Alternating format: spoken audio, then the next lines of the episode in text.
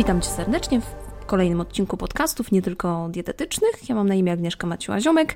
Na co dzień jestem dietetykiem współtworzącym Algorytm, czyli e, platformę żywieniową i sklep internetowy zajmujący się szeroko rozumianym zdrowiem. A dzisiaj chciałabym trochę opowiedzieć na temat cukru. Ale nie będę gdzieś tam Was e, znowu edukować o rzeczach, które na co dzień gdzieś tam w mediach są e, szeroko rozpowszechnione.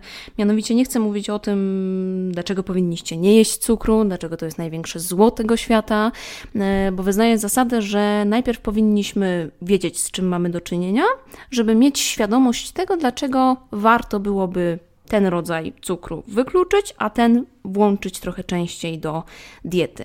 I dlatego powiemy sobie, Trochę na temat tego najzwyklejszego cukru, porównamy go sobie z cukrem brązowym, powiemy sobie o tym, dlaczego i czy w ogóle cukier z owoców jest lepszy od tego białego cukru. Powiemy sobie też o syropie glukozowo-fruktozowym, czy faktycznie jest on y, największym złem tego świata i czy jest dużo gorszy od tego zwykłego y, cukru. No i powiemy sobie troszeczkę o y, zamiennikach y, cukru, czyli o tych rzeczach, które gdzieś tam warto, żeby się w naszej diecie pojawiały.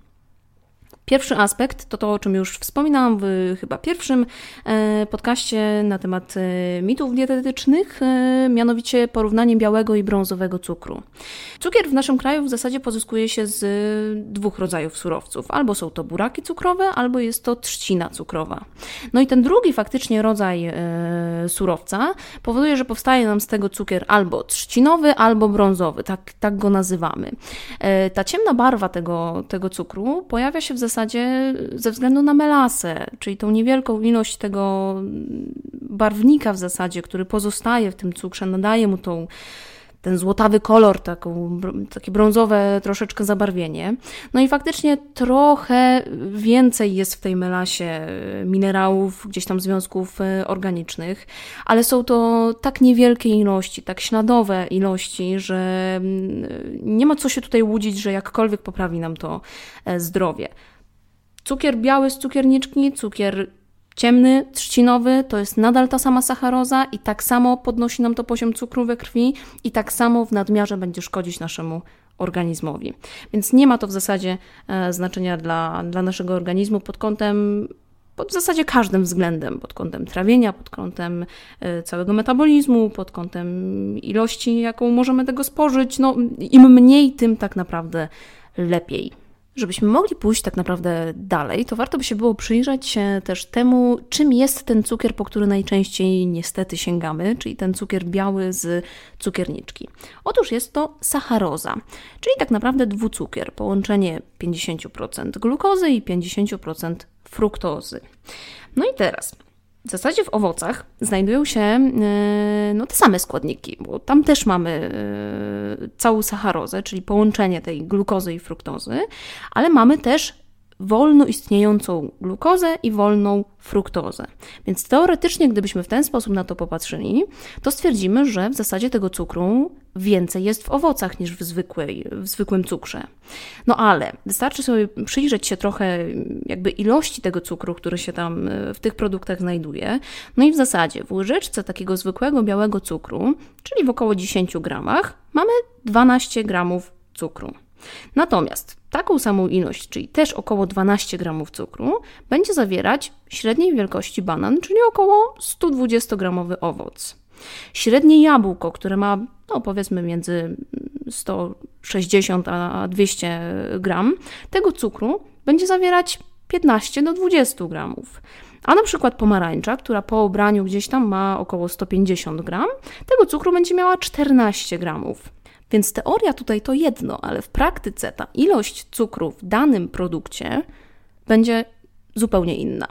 Oczywiście w przypadku tych dwóch produktów, czyli cukru przyjmijmy z tego jabłka, które gdzieś tam e, zjadamy e, i z tej łyżeczki cukru, którą gdzieś tam sobie po prostu podjemy w międzyczasie, e, czas wchłaniania tych produktów jest zupełnie inny. Bo jeżeli faktycznie sięgniemy po tą łyżeczkę białego cukru, zjemy ją tak po prostu, to tak naprawdę ten cukier wchłonie nam się już na poziomie żołądka i to dosłownie kilka minut od zjedzenia. To powoduje, że mamy bardzo szybki wzrost poziomu glukozy, szybki wyrzut insuliny, ale równie szybko ten poziom energii gdzieś tam nam spada. Więc niewiele nam to daje, bo średnio po nie wiem, 15-30 minutach znowu będziemy głodni i znowu będziemy potrzebować gdzieś tam kolejnego zastrzyku e, energii, bo organizm też wykorzysta sobie jakby te zapasy energii, które ma, do tego, żeby gdzieś tam obniżyć ten szybko wzrastający poziom e, glikemii, który pojawia się po spożyciu czystego cukru bez żadnych innych dodatków. Natomiast w owocach oczywiście nie zjadamy samego cukru. Owoce to jest też skórka, to jest też e, gdzieś tam sok, e, to są minerały, antyoksydanty, o tym gdzieś tam zaraz powiem, ale przez to to jest też błonnik. I to jest ten składnik, który powoduje, że wchłanianie cukru na poziomie żołądka będzie już po prostu znacznie wolniejsze.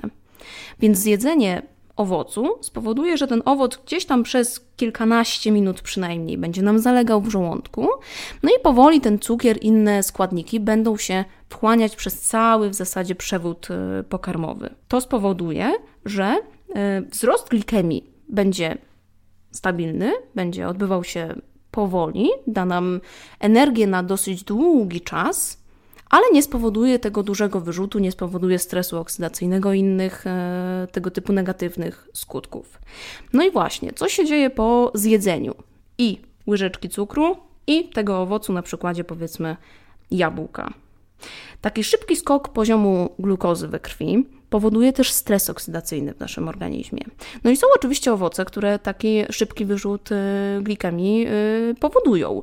Mm, I to są wszystkie owoce, które mają wysoki indeks glikemiczny, y, bo czasami gorzej będzie dla nas, jeżeli zjemy powiedzmy, nie wiem, zetrzemy sobie jabłko na, na tarce, obierzemy je ze skórki i w tej formie zjemy, niż jeżeli zostawilibyśmy je w takiej formie jak jest i zaczęli sobie gryźć kawałkami. Wtedy no, gdzieś tam poziom glikemii glikemii będzie bardzo różny. Ale nawet jeśli gdzieś tam ten poziom e, glikemii dosyć drastycznie nam wzrośnie po spożyciu owoców, to owoce mają w sobie tą przewagę, że będą dostarczać nam właśnie składniki mineralne, i antyoksydanty. Czyli wszystkie te rzeczy, które na co dzień zwalczają w naszym organizmie stres oksydacyjny, o którym tutaj mówimy.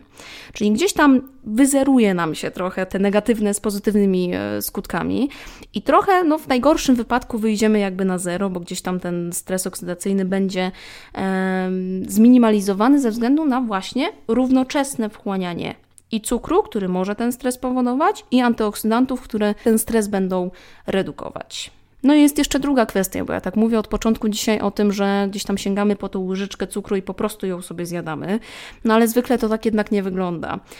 My gdzieś tam sięgając po ten zwykły biały cukier, e, łączymy go z innymi produktami, które ten stres oksydacyjny w naszym organizmie mogą generować. E, I dlatego razem z takim posiłkiem, powiedzmy, dostarczamy sobie też duże ilości tłuszczów trans, utwardzonych olejów roślinnych, e, oleju palmowego, e, które gdzieś tam ten stres naszego organizmu będą pogłębiać, bo są to produkty po prostu bardzo przetworzone, których, e, z którymi nasz organizm no, gdzieś tam musi trochę walczyć, a niestety dostarczamy tego bardzo, bardzo dużo i zaczynamy się po prostu czuć ciężko. Co więcej, jesteśmy nadal głodni, bo nadal naszemu organizmowi brakuje witamin, minerałów, składników gdzieś tam innych odżywczych, które dostarczają w sobie na przykład owoce. Więc tych kilka aspektów, głównie tempo wchłaniania, głównie ilość cukru w produkcie, który ten cukier dostarcza i jakby produkty, które przy okazji dostarczamy do organizmu, mają ogromne znaczenie dla jakby jakości tego cukru prostego, który ostatecznie dostarczamy do naszego organizmu. Często mówi się też o tym, że w zasadzie najgorszą jakością tego cukru gdzieś tam dostępnego w przemyśle e, jest y, syrop glukozowo-fruktozowy. No i gdzieś tam przez kilka lat faktycznie mieliśmy, także my dietetycy, takie przekonanie, e, że gdzieś tam może to być bardziej szkodliwe. Natomiast teraz już wiemy, że tak po prostu nie jest. E, bo ten syrop glukozowo-fruktozowy to jest tak naprawdę wstępnie już przetrawiona e, glukoza i fruktoza. E, to powoduje, że ten syrop tak naprawdę prawie w ogóle się nie krystalizuje. Jest też dużo tańszy, więc gdzieś tam producenci często po niego sięgają, ale tak naprawdę klinicznie patrząc, syrop glukozowo-fruktozowy będzie zawierał ciut więcej, gdzieś tam o kilka procent więcej fruktozy niż glukozy. Klinicznie dla naszego organizmu to gdzieś tam nie ma żadnego znaczenia, bo tak czy inaczej będziemy e, dosyć szybko taki e, cukier e, wchłaniać, więc zupełnie nie ma to znaczenia dla naszego organizmu. Więc odpowiadając na pytanie, czy syrop glukozowo-fruktozowy jest gorszy od zwykłego białego cukru? Absolutnie nie jakby opinia o tym, że gdzieś tam większa szkodliwość może być syropu od zwykłego cukru, pewnie wynika z faktu, że tam, gdzie ten syrop się pojawia, tam tak naprawdę znowu mamy to, co w przypadku tego białego cukru, który gdzieś tam dodajemy do, do rzeczy, które, które zjadamy, czy przy okazji on tam występuje. Mamy tutaj znowu duże ilości oczyszczonej mąki, mamy duże ilości utwardzonych tłuszczy roślinnych e, i innych rzeczy, które gdzieś tam no raczej ze zdrowiem nam się po prostu nie kojarzą.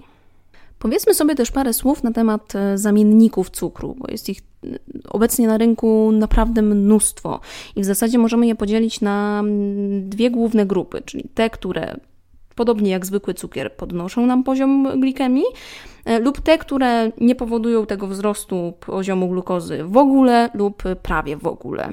No i ta pierwsza grupa to są no, w zasadzie same dobre rzeczy, ale też te dobre rzeczy, na które i tak musimy uważać, bo faktycznie miód, syrop zagawy, lukrecja, syrop klonowy będą nam dostarczać e, sporych ilości e, witamin, składników mineralnych, ale także musimy na nie uważać, bo no jakby nie możemy sobie dać przyzwolenia na to, żeby zjeść, nie wiem, pół słoika miodu e, dziennie, bo znowu to raczej będzie antyreklamą zdrowia. Więc gdzieś tam ten zdrowy rozsądek trzeba zachować. Natomiast trzeba pamiętać o tym, że te zamienniki będą wpływać pozytywnie na nasz układ odpornościowy, będą regulować trawienie, będą w jakikolwiek sposób pozytywnie gdzieś tam wpływać na nasz organizm, więc zawsze będzie lepiej sięgnąć po ten produkt niż po ten zwykły cukier biały z cukierniczki. Mamy też oczywiście drugą grupę zamienników cukru, czyli te, które faktycznie albo w ogóle, albo prawie w ogóle nie podnoszą nam poziomu glukozy, czyli gdzieś tam ich metabolizm odbywa się zupełnie bez udziału e, insuliny lub w ogóle ich nie wchłaniamy. Ja bym tu chciała powiedzieć o tych trzech, które ja osobiście najczęściej e, polecam. E, natomiast są one też po prostu najbardziej rozpowszechnione i, najczęściej pojawiają się na półkach sklepowych. Mam tu na myśli stewię, ksylitol i erytrytol. I tak, Stevia jest myślę najmniej atrakcyjna, jeśli chodzi o, o smak. Ze względu na to, że no, niektórym przeszkadza ten smak gdzieś tam trochę wodorostów, tak trochę czujemy taką nutkę natury jakby w tej, e, w tej stewi. E, natomiast jeżeli Ci to nie przeszkadza, to jak najbardziej warto po ten produkt sięgać i już mówię dlaczego. Po pierwsze, stevia jest mniej więcej 350 razy słodsza od sacharozy, e, więc tak naprawdę, żeby posłodzić sobie kawę stewią, wystarczy nam prawdopodobnie szczypta tego, tego produktu i to w zupełności nam wystarcza. Stevia nie zawiera w sobie kalorii, nie ma też w zasadzie wartości odżywczej nie powoduje jakby hipoglikemii w naszym organizmie, yy, ale reguluje nam stężenie glukozy we krwi. Sporo też badań pojawia się na temat yy, regulowania przez stewie wyrzutu insuliny. Yy, to byłoby też, myślę, istotne zdecydowanie dla osób z insulinoopornością, gdzie ta wrażliwość na insulinę naszych komórek jest po prostu ograniczona, więc warto by było przetestować, czy akurat ten produkt nie wspomaga nam gdzieś tam e, procesu leczenia. Drugi produkt to ksylitol. Biały, krystaliczny proszek, zupełnie bez zapachu, w zasadzie bez, e, bez smaku i gdzieś tam słodycz ksylitolu jest porównywalna do e, słodyczy zwykłego białego cukru.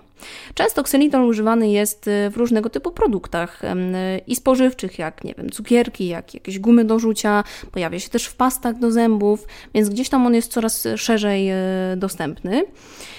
No i znowu, jest to produkt metabolizowany bez użycia E, glukozy, dlatego spokojnie gdzieś tam, bez użycia insuliny, przepraszam, mm, więc gdzieś tam jest on polecany osobom e, z cukrzycą jako zamiennik, szczególnie w tym okresie przejściowym, kiedy, nie wiem, mówimy o dzieciach ze świeżo rozpoznaną cukrzycą typu pierwszego, e, gdzie to odstawienie cukru, no naprawdę bywa ciężkie i faktycznie ten proces musi chwilę trwać.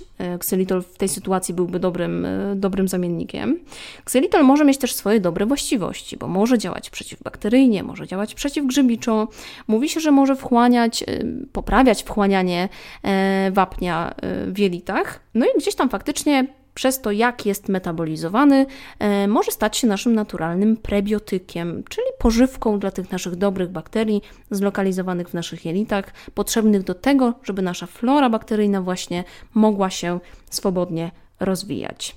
Żeby nie było tak pięknie, to ksylitol ma też swoje wady, e, bo dosyć często zdarza się, że w momencie, kiedy przesadzimy z jego spożyciem, to może on spowodować albo zaparcie, albo biegunki. Już jakby spotkałam się i z jednym, i z drugim, natomiast e, no nie ma co też popadać w jakąś tutaj paranoję, jeżeli będziemy używać tego ksylitolu rozsądnie, tak jak każdego innego cukru, to gdzieś tam żadne tego typu objawy nie będą się po prostu pojawiać. No i na koniec zostawiam sobie jeszcze produkt, który ja osobiście najbardziej lubię.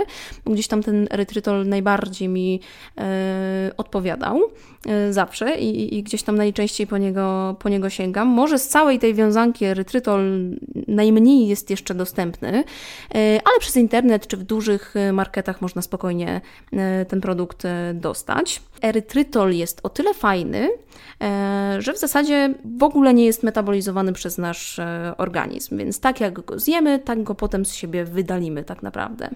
Ma zerowy indeks glikemiczny, więc w ogóle gdzieś tam nie podnosi nam poziomu glukozy we krwi.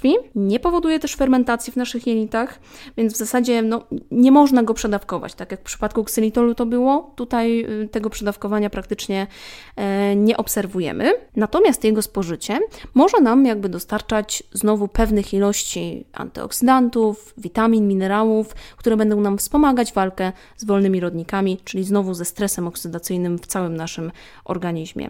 Erytrytol ma jakieś 70 około procent y, słodkości zwykłego y, cukru, y, więc jest ciut to odczuwalne, że ta słodycz jest mniejsza. Natomiast z tych wszystkich gdzieś tam zamienników myślę, że będzie najbezpieczniejszy i najbardziej neutralny w porównaniu właśnie do stewi czy ksylitolu. Podsumowując, kto powinien uważać na cukier? Absolutnie każdy, i to bez względu na to, czy jesteśmy zdrowi, chorzy, mm, czy gdzieś tam mamy jakieś dolegliwości, czy czujemy się zupełnie e, dobrze. Ale wszystko jest dla ludzi e, i gdzieś tam znajdując ten złoty środek, możemy sobie pozwolić na czasami zjedzenie zwykłego białego cukru, e, o ile nie mamy do niego przeciwwskazań, czy też na spokojnie możemy używać zamienników cukru w różnej postaci i gdzieś tam nie bać się skutków e, tego, skutków ich spożycia. Jest też szczególnie jakby wrażliwa grupa osób, czyli te osoby, które po spożyciu e, większej ilości cukrów prostych odczuwają pewne dolegliwości, takie jak zmęczenie, ospałość, szczególnie po posiłkach, jeżeli senność się gdzieś tam pojawia, E, nerwowość, jakiś brak witalności. Takie rzeczy sugerują gdzieś tam początki zaburzeń wchłaniania czy metabolizmu węglowodanów w naszym organizmie. E, no i tu szczególnie mówimy o osobach z, ze świeżo rozpoznaną insulinoopornością, e, z, ze stanem przedcukrzycowym, czy z samą cukrzycą typu pierwszego czy drugiego. I takie objawy gdzieś tam bardzo często się pojawiają, a my tego jakby z naszym metabolizmem zupełnie nie, nie łączymy zrzucamy bardziej na pogodę, zrzucamy to bardziej na karp, nie wiem, przepracowania mm, i, i nie zwracamy na to uwagi.